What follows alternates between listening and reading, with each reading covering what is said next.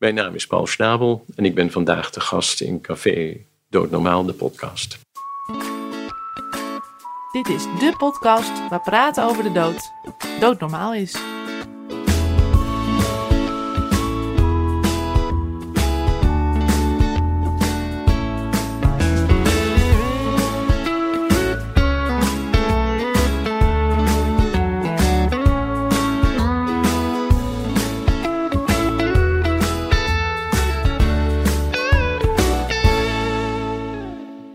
Vanuit een stil en verlaten NVVE-kantoor heet ik je welkom bij weer een nieuwe aflevering van Café Doodnormaal, de podcast.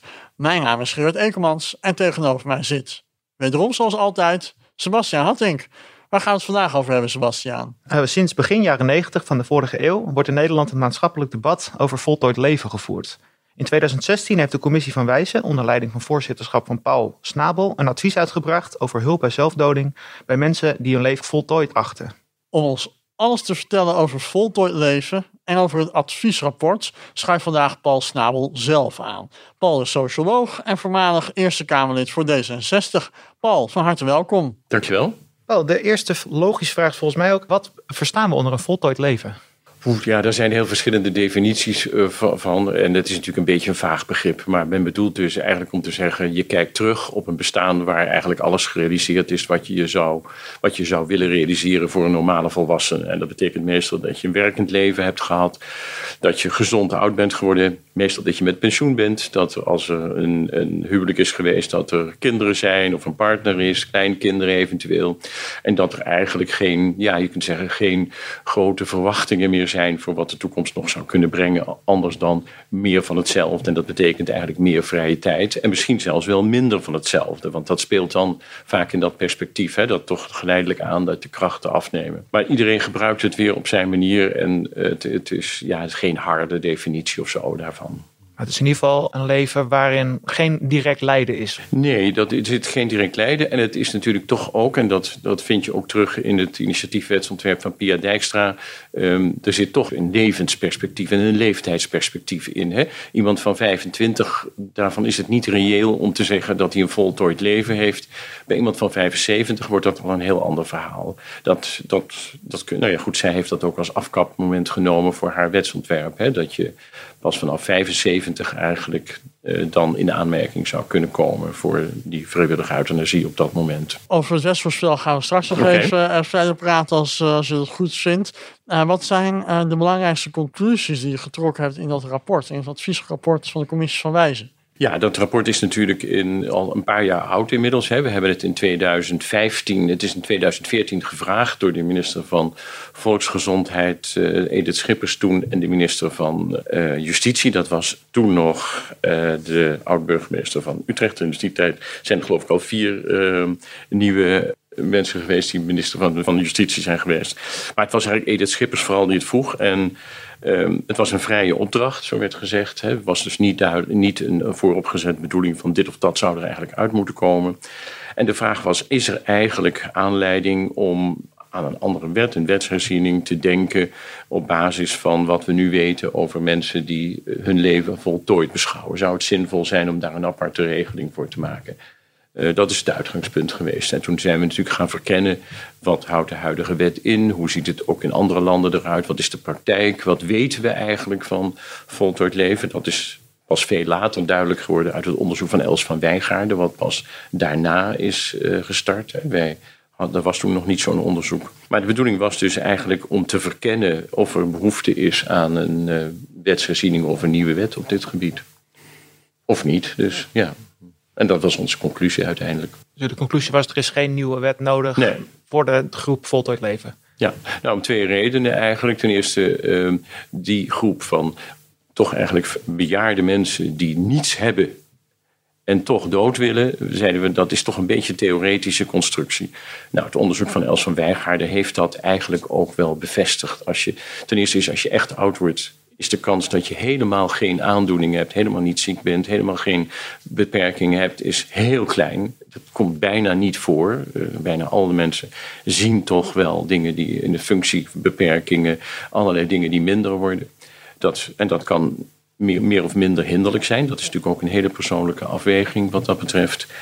En het, de andere lijn was wat eigenlijk een oud lid, mevrouw Wessel Tuinstra, die vroeger lid was van de Tweede Kamer voor D66 en ook eigenlijk een van de eerste is geweest die heel erg gepleit heeft voor een euthanasiewet, tegen mij zei toen het rapport uitkwam, waar ze zei van ik sta daar helemaal achter. Want zei ze, ik ben als jurist en ik heb geleerd van mijn hoogleraar vroeger, je moet een wet ten einde denken. En dat betekent eigenlijk, je moet dus de interpretatiemogelijkheden die in een wet zit, die moet je, die moet je eigenlijk hun gang laten gaan. Dat heeft ook te maken met hoe de samenleving tegenover iets staat, maar er zit ruimte in die wet. Zij vertelde mij dat pas als visie toen het rapport er al lag. Maar eigenlijk was dat ook de conclusie van het rapport. Er zit ruimte in die wet die ten dele beperkt is door de behandeling in de Kamer. En met name door wat de minister van Justitie erover zei. Van ja, er moet natuurlijk wel ziekte zijn, wat in de wet helemaal niet staat. Of hij zei er moet een medische hè, aanleiding, een medische achtergrond zijn. Allemaal heel vaag geformuleerd. In de wet staat daar niets over. En ook dat natuurlijk de uitspraken, de eerdere uitspraken van de Hoge Raad, die wat beperkter waren, maar die zijn natuurlijk allemaal langzamerhand 20, 25, 30 jaar oud, uh, dat die uh, de, de eerste interpretatie van de wet sterk bepaald hebben. En wij zeiden, als je kijkt naar de letter van de wet, is het eigenlijk een ongelooflijk mooie, knappe wet, die eigenlijk vooral een procedure voorschrijft. Zegt, zo moet je het doen, wil het, om het zo te zeggen, verantwoord zijn en wil je ook daar verantwoording voor kunnen dragen, verantwoordelijkheid voor kunnen dragen. En we hebben gezegd, en eigenlijk zou dat kunnen betekenen dat je toch kijkt, zijn die uitspraken van de Hoge Raad geldig nog steeds? Nou, dat zijn dan, dat kun je dan in het belang van de wet, kan daar opnieuw naar gekeken worden en zo. En laat het ook maar meegroeien met de visie in de bevolking. Uh, in de samenleving is dit een permanente discussie heel goed gevoed door het feit dat er regionale toetsingscommissies zijn die de belangrijke uitzaken ook steeds laten zien, zodat ook de praktijk, de artsen, de mensen, nou ja, ook een vereniging als de NVVE kan zien hoe, nou, ik zeg, hoe de ontwikkeling is wat dat betreft. Ik bedoel, ik ben naarmate we daarmee bezig waren steeds enthousiaster eigenlijk over gewoon de kwaliteit van die wet geworden, moet ik eerlijk zeggen. Maar toch valt die groep die niet leidt, zeg maar, die in principe niks heeft, maar wel vindt dat hun leven voltooid, die valt er wel buiten. Ja, maar die groep is er eigenlijk niet, bleek uit het, Els van, het onderzoek van Els van Wijngaarden. Dat, dat waren hele incidentele gevallen. En dan was het nog weer de vraag of het eigenlijk wel echt klopte met het idee van ik heb een mooi leven gehad. Hè? Of, of zo, het, het, het, was een mooi boek, maar het boek is uit en het is klaar. Dat kan zijn, maar dat is nog geen reden om er ook een eind aan te maken. En dat blijkt in de praktijk bijna ook niet het geval te zijn. En ook merk je in de maatschappelijke discussie altijd, ik heb daar heel veel over moeten praten met mensen, dat we zeggen, ja, maar als mensen nou toch heel eenzaam zijn, of als mensen nou toch uh, bijvoorbeeld incontinent worden en eigenlijk niet meer naar buiten durven en zo. Zeg, ja, maar in principe voorziet de huidige wet in dat soort situaties. Um, en mensen hangen nog steeds aan allerlei uh, omschrijvingen die juist die, dat wetsvoorstel, wat er nu ligt, en ook dat idee van voltooid leven, um, ja, wat eigenlijk al voor dat begrip valt. En dat begrip zelf, daar is in de, in de praktijk toch heel weinig uh, voor te vinden. In feite is het natuurlijk een raar teken als mensen niets hebben gezond en welzijn, uh, gewoon een fatsoenlijk leven kunnen leiden. Dat ze dan zeggen, ik ga er toch uitstappen, dan moet je je toch afvragen wat is hier aan de hand? Waarom zou een mens dat willen doen? De meeste mensen hangen heel erg aan het leven. Dat zit in ons. Dat, dat, dat is gewoon een, een overlevingsinstinct wat er eigenlijk is. Nou, dan denk je, is het iemand dan toch depressief? Is er toch iets wat wij niet weten wat daartoe kan leiden? Wat daar misschien een rol bij heeft gespeeld? Nou, dat wordt dan toch ingewikkeld. Eh, maar die, laat ik zeggen, dat, dat rationele idee van, ja, ach, ik ben 75, ik ben 80, uh, uh, kom, het is klaar. Nou, het leven, die kan zeggen, ik verwacht niks meer. Maar dat betekent nog niet dat je moet zeggen, nou ja, dan moeten we er ook maar een eind aan maken. Hè, of laten maken. Want dat willen de meeste mensen dan, hè, dat het laten maken. Dat uh, ook een heel interessant punt. Nou, dat is wel een essentieel verschil inderdaad. Nu is het vaak geframed als, althans wat ik heb meegekregen, dat, dat de commissie dan tegen euthanasie bij voltooid leven is. Ik hoor u eigenlijk al veel genuanceerder eigenlijk ontkennen dat frame. Ik ben toch heel benieuwd, hoe kijkt u zelf terug op de ontvangst van, die, van het rapport?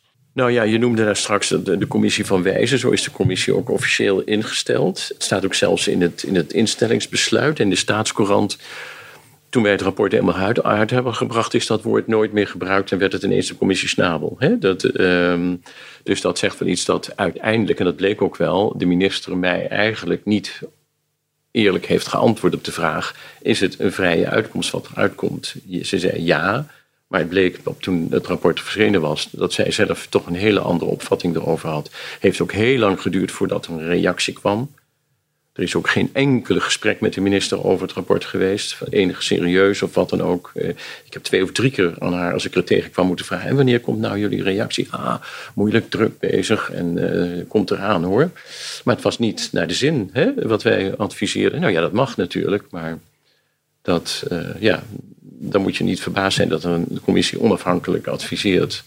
Uh, als jij zegt dat de commissie onafhankelijk mag adviseren. Dat vanuit het ministerie, de politieke reactie. Ja. En de NVVE heeft ook gereageerd op het rapport. Uh, mensen in de, in de media natuurlijk. Ja. Uh, heeft u daarop gelet überhaupt? Of? Nou, op een gegeven moment weet je het niet meer. Want dan, ja, ja, je bent klaar. Het secretariaat is weg. Er is geen adres meer enzovoorts. Dus het, de commissie is weg. Ik was wel heel erg geïnteresseerd in de reactie van de KNMG.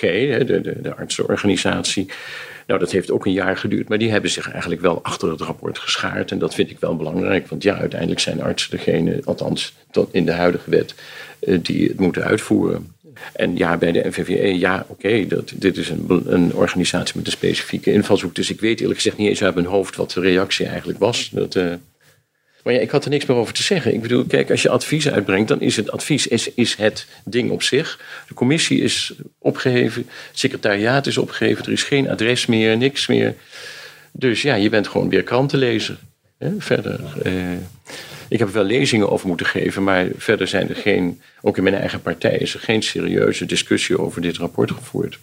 En dat stak mij wel. Nou, de reactie van de NVVJ was vooral, ook al zijn er inderdaad maar een paar mensen die echt een voltooid leven hebben, dus die voor de rest geen onderliggend lijden hebben, dan moet daar wel een serieus naar gekeken worden. Ook al zijn het er maar een paar. Het maakt niet uit hoe groot de groep is. Dat was de reactie van de ja. Ik herinner me nu dat mijn antwoord daarop was ja, maar dat betekent niet onmiddellijk dat de overheid daar een nieuwe wet voor moet doen. Dat, er kan best naar gekeken worden, of er kan misschien zelfs wel gekeken worden of er toch een reden is, wat ik net al aangaf, hè, dat er toch meer speelt dan simpelweg ik wil stoppen.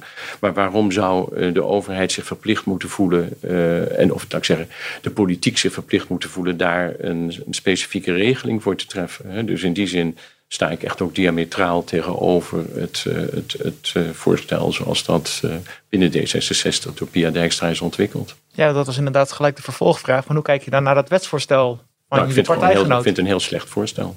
Om, om twee redenen.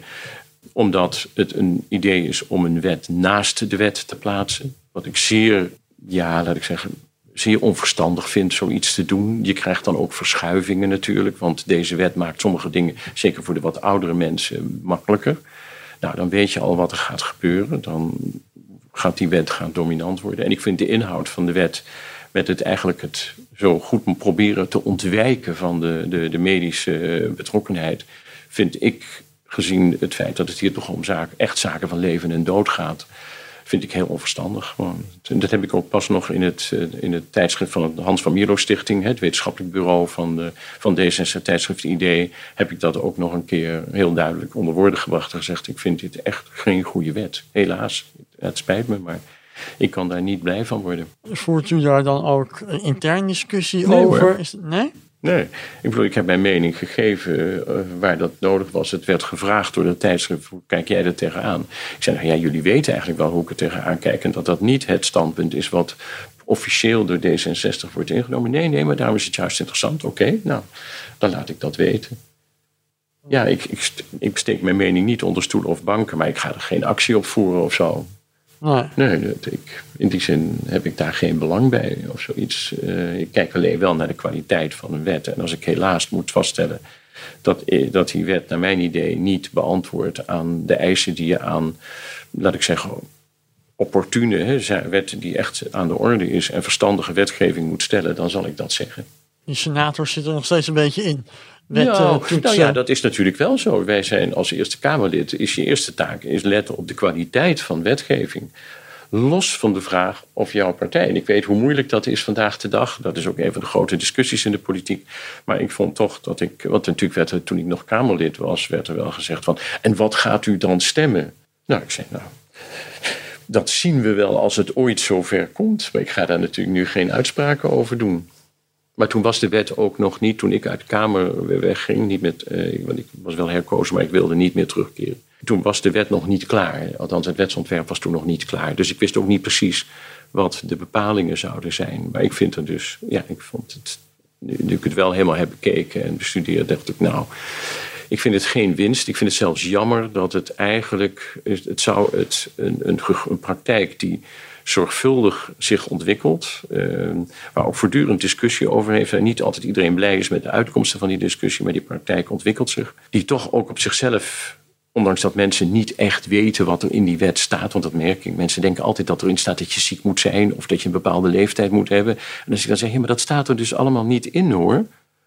Oh, ik dacht enzovoorts. Hè. Dat nou, kan je mensen ook niet kwalijk nemen. Um, dat, dat, dat zich dat ontwikkelt. En dat zou jammer zijn, vind ik, als dat zorgvuldige proces. wat toch al eigenlijk zo'n twintig jaar nu loopt. en zich, uh, vind ik, heel netjes ontwikkelt, ook vergeleken met andere landen. Ik zou het jammer vinden als dat verstoord zou raken. Het is overigens helemaal de vraag, als het zover komt. dat of een Tweede Kamer echt te vinden zal zijn voor deze wet. Er wordt zo wel een beetje gedaan van ja, dat dat krijgen we er wel doorheen. Maar als ik zie hoe moeilijk het is geweest om de regeling hè, rond donatie van de organen enzovoorts er doorheen te krijgen, wat ik een volkomen evidentie vond dat je dat zou doen. Want daar denken mensen dan ook van, daar zal die dan ook wel tegen zijn. Nou, helemaal niet, in tegendeel. Dus onmiddellijk werd er mij gevraagd. En hebt u zelf ook wel een codicil? Ja, hè? dat, uh, uh, ik mag gebruikt worden als ik er niet meer ben. Hè? Dat, uh, maar dan zie je, dan denk ik, ja, dat, ik zou dat jammer vinden als dat, laat ik zeggen, in een, weer in een hele moeilijke politieke discussie terecht zou komen. En zeker als het aangenomen zou worden dat het een praktijk zou, uh, heel moeilijk zou maken. Ook omdat er dan andere beroepsgroepen bij zouden komen die, ja, laat ik zeggen, waar ik niet zo blij mee ben in, die op, dat opzicht. Ik vind ook risico. Het gaat om dodelijke middelen. We hebben nu al gezien rond de, um, nou ja, de laatste wil en zo, wat er allemaal al mis kan gaan. He, ondanks de beste bedoelingen, daar, daar, twijfel ik helemaal niet aan. Maar gewoon het risico. Kijk, in die wet staat ook. Degene die het uiteindelijk gaat, of dat wetsvoorstel, degene die het gaat uitvoeren, die moet zelf het dodelijke middel bij de apotheek halen. Mag het natuurlijk niet toedienen, maar moet er wel bij blijven. En moet wat er overblijft weer terugbrengen naar de apotheek. Nou ja, goed, aan mijn intonatie is al te horen dat ik denk: ja, hoe wil je dat controleren? Maar dat betekent dat je een dodelijk middel in handen geeft van mensen die daar iets mee zouden kunnen doen, of waar anderen iets mee zouden kunnen doen. Ik vind dat nogal een groot risico.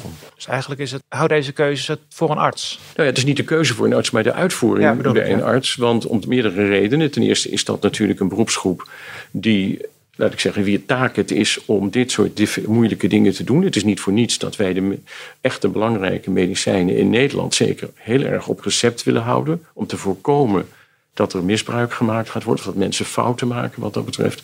En ten tweede, omdat je mag ervan uitgaan dat een, een, arts, dat zal echt niet altijd in de praktijk zo zijn, maar toch ook in staat is om een inschatting te maken van hoe de situatie is, fysiek is, wat, wat iemand eventueel nodig heeft, wat je moet doen als het fout gaat. Iemand geeft over. Dat kan allemaal gebeuren. Ik bedoel, dat zijn, dat zijn dingen. Zijn ook. De punt is altijd: heel veel dingen die artsen doen, kan jij als leek ook leren. De vraag is: weet jij ook dan wat je moet doen als het niet goed gaat? Dat is de essentie in feite van het arts zijn. Dat je ingrijpt op het moment dat je, oh, dit gaat niet goed of hier gaat iets mis. Hè? Dan moet je weten wat je moet doen. En als je dat niet weet, is het paniek dat zijn natuurlijk dan toch hele akelige situaties die je dan aantreft. En dat, uh, dus ik vind om meerdere redenen vind ik het wel verstandig dat daar niet weer een soort aparte beroepsgroep voor geconstrueerd wordt. Want er staat, er moet dan een, een, een, wat is een topopleiding, kop, een kopstudie of zo. Die bestaat helemaal niet. Dus daar wordt, staat er wel in die wet, maar die bestaat helemaal niet. Waar zou die uit moeten bestaan? Wie zal die moeten gaan geven? Uh, hoe, ja, moet ik zeggen, hoe, hoe, hoe, hou je dan de kwaliteit in stand? Uh, ik, ik vind het heel, als je het uit gaat werken, vind ik het heel problematisch worden. Dus eigenlijk zeg je binnen de huidige euthanasiewet, die is heel breed, die kan je heel breed interpreteren en is heel breed uitvoerbaar. Het is maar een klein groepje mensen die echt een voltooid leven hebben. Zijn er dan nog zaken die je zelf zou willen aanpassen aan de huidige euthanasiewetgeving of praktijk? Ja, mijn, mijn punt is dat wat je net zegt eigenlijk, dat ik vind dat die ruimte niet voldoende benut wordt nog. En dat het ook, laat ik zeggen, lastig is, gezien ook sommige uitspraken van, van het Openbaar Ministerie en zo. Maar aan de andere kant heeft die wat harde opstelling van het Openbaar Ministerie, waar ik destijds de procureur-generaal echt heb gezegd, doe dat niet. En doe dat vooral niet omdat je een arts iets vreselijks aandoet. Elke arts die op, met, met het strafrecht in aanraking komt vanwege eh, medisch handelen, die, nou, die slaapt daar niet van, om het zo te zeggen. Niet één nacht niet, maar dat is echt heel traumatisch. Doe dat niet. Eh, maar het heeft wel tot effect gehad dat er toch een uitspraak is gekomen die eigenlijk het gelijk van de arts destijds rond die demente mevrouw heeft bevestigd. En in die zin vind ik dat wel weer winst. Het is niet fijn. Ik vind het voor de betrokken arts echt een verschrikkelijk uh, drama geweest. Hè, dat ze ook zo lang moet wachten. En dat, nou ja, het is, hè, het is echt, echt heel vreselijk eigenlijk. Maar het maar verweldert wel. Dus ik vind eigenlijk het probleem is dus, en dat is ook de pleidooi van de commissie geweest, van probeer de ruimte van die wet, die, dank, die in de formulering van de wet zit, probeer die zo goed mogelijk te gebruiken. Dan groei je mee met de opvattingen in de bevolking. En tegelijkertijd heb je niet een tweede of een nieuwe wet nodig. Want een correctie op de wet zelf is nauwelijks mogelijk eigenlijk, want het is de interpretatie van de wet die de beperking inhoudt tot nu toe, niet de wet zelf. Nou ja, de meeste, uitvoer, de meeste euthanasie uh, wordt uitgevoerd door huisartsen. En in de wet staat wel het woord patiënt, maar wij zijn voor de huisarts allemaal patiënt. in de wet, het is heel interessant, ik heb het ook echt allemaal nagekeken. Er staat geen enkele definitie van het begrip patiënt. Het is meer een arts, zeker een huisarts. Hè? Iedere Nederlander heeft een huisarts en dus is iedere Nederlander in die terminologie patiënt van een huisarts. Hoef je helemaal niet ziek te zijn natuurlijk. Hè? Dat, zo gaat dat. Nou, dat, zo kun je die wet dus ook heel goed interpreteren. Ik vind dus de interpretatieruimte... Nou, de wet ten einde denken, om nog maar een keer mevrouw Wessel-Tuinstra aan te halen... vond ik echt heel mooi gezegd dat vind ik eigenlijk waar het, waar het nou ja, niet aan schort zou je kunnen zeggen, maar waar wat mij betreft wat snellere, wat grotere stappen gezegd zouden mogen worden. En daarom vond ik eigenlijk dat de Hoge Raad zich daar echt nog eens een keer heel goed over moet buigen. En ook de Raad van State, die moet natuurlijk nu adviseren straks over dat initiatiefwetsontwerp. En dat vind ik wel, ik hoop dat zij dan ook een stand. Ik denk dat ze niet enthousiast zullen zijn over dit wetsontwerp. Denk ik, maar ik weet het natuurlijk niet. En, maar dat ze dan misschien wel zullen aangeven welke ruimte toch misschien vandaag de dag, na zoveel decennia na de invoering, uh, gezocht en gevonden zou moeten worden. En dat initiatief ligt dus eigenlijk bij de rechterlijke macht en iets minder bij de wetgevende macht. Begrijp ik dat goed? Nou ja, in de, de wet zelf vind ik staat, heel, staat eigenlijk niks in, in de huidige wet waarvan je zou zeggen dat zou je moeten veranderen. Het is de interpretatie van de wet die, laat ik zeggen, eh, wat mij betreft.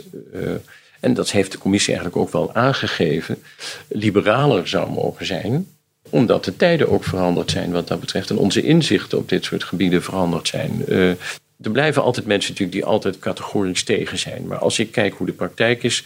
Uh, nou, je weet allemaal zo, wat is het, 80, 85 procent van de huidige euthanasiegevallen is eigenlijk kanker in het terminale stadium. Dat is nog steeds de allerbelangrijkste groep.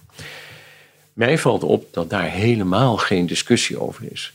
En ik denk dat de streng christelijke georiënteerden daar formeel tegen zijn, maar materieel dit accepteren dat mensen niet verder willen gaan op een, nou ja, een leidensweg die inderdaad uitzichtloos is en waar echt ook geen genezing of herstel van te verwachten is.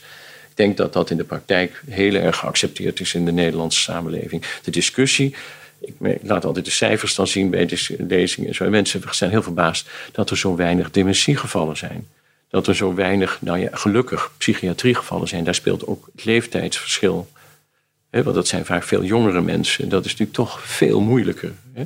Maar ook wat mij zelf nog opvalt, dat die stapeling van ouderdomsklachten, wat toch een geaccepteerd, door de uh, regionale toetsingscommissie geaccepteerd criterium is, nauwelijks gebruikt wordt. Terwijl dat voor heel veel mensen die misschien nu in voltooid leven termen denken, wel speelt. Ik heb het bij een paar jaar geleden bij een vriend van mij meegemaakt, bijna 90, alleenstaand, partner overleden, geen kinderen. Ehm, ja, dat zijn leven steeds beperkter werd. Kon niet meer auto rijden, fietsen ging niet meer. Nou, er waren allerlei had heel veel last van, van zijn gewrichten en dat soort zaken. De, huisarts had, oh, de arts had al gezegd van ja, ik denk dat we toch weer aan een weer een nieuwe heup toe zijn. Dat had al, had al twee nieuwe heupen, zelfs al drie in totaal gehad. En hij zei, dat doe ik dus niet meer. En hij werd licht incontinent. Dat is sociaal, is dat verschrikkelijk. Want dan durf je bijna niet meer weg te gaan hè, van huis uit. Of hij ging graag naar, naar, naar toneel of concerten en zo. Dat doe je niet meer. Um, trappen op en af gaan, wat je dus in de Schouwburg of de opera of zo toch altijd moet doen. Dat ging niet meer. Hij kon het, uh, ik ben een aantal keer met hem meegegaan. Nou, dat was bijna niet meer te doen. Dat zo iemand dan zegt: Het is klaar, um, ik wil het niet meer dat snap ik heel goed. En dat vind ik dus die opstapeling van ouderdomsklachten. Alle dingetjes op zichzelf zijn niet vergelijkbaar met terminale kanker. Maar in de beperking die zich in zijn leefsituatie voordeed, dat hij zegt: Ik wil dit niet meer, dat vind ik heel redelijk. Hij wil dit zelf doen. Ik, maar waarom ga je niet met je huisarts praten? Nou, dat is gebeurd. En de huisarts heeft het, eh, ja, die zei van nee, ik, ik, eh, ik kan dit helemaal meevoelen. Ik eh, ben bereid om dat te doen. Dat is ook gebeurd allemaal. Nou, dan denk je ook weer van, soms durven mensen, en denken ook mensen, het zal die vast wel niet willen. Dat zal soms ook zo zijn. En ik zie ook wel zelf dat steeds meer mensen natuurlijk, als ze een nieuwe huisarts krijgen of nou goed, ik heb zelf ook gedaan toen ik verhuisde een aantal jaar geleden. Ja, dan moet je toch een nieuwe huisarts zoeken. Dat ik dat natuurlijk wel besproken heb. Als ik zover ben, hè, is dat is dat aanvaard? Is dat bespreekbaar? Nou, dat was het gelukkig. En uh, nou ja, dan hoop ik dat het niet nodig zal zijn. Maar ik hoop ook dat ik zo moedig zal zijn om te zeggen: het is zover. Dat, dat, uh, dat laten, we, laten we dat maar doen. Hè? Nou, en ik denk dat meer mensen geleidelijk aan die keuze maken. Aantal is toch nog altijd klein. Ook dat verbaast mensen vaak. Die denken toch vaak dat het heel veel voorkomt. Maar ja, het is toch 4%, 5% van het totale aantal sterfgevallen in Nederland. En dat groeit niet echt hard. Dat, uh, ook weer een teken vind ik dat zelfs als je er slecht aan toe bent, het stoppen van het leven uh, heel erg moeilijk is. Hè? Dat is een hele grote stap. Ja. Maar het is duidelijk dat volgens jou de wet heel veel meer ruimte biedt dan die nu gebruikt wordt. Ja, heel veel meer weet ik niet. Maar laat ik zeggen dat de gevraagde ruimte, de, de, de, dat ik zeggen, dat wat gevoeld wordt in de samenleving, welke, steeds meer welke ruimte er nodig zou zijn, naar mijn idee en naar het idee van, onze, van mijn commissie, in principe in die wet zit. Zonder dat dat gedefinieerd is in die wet. En dat vind ik wel heel mooi als een wet uh, die ruimte laat. Absoluut. En dat is dan nog even helder gemaakt.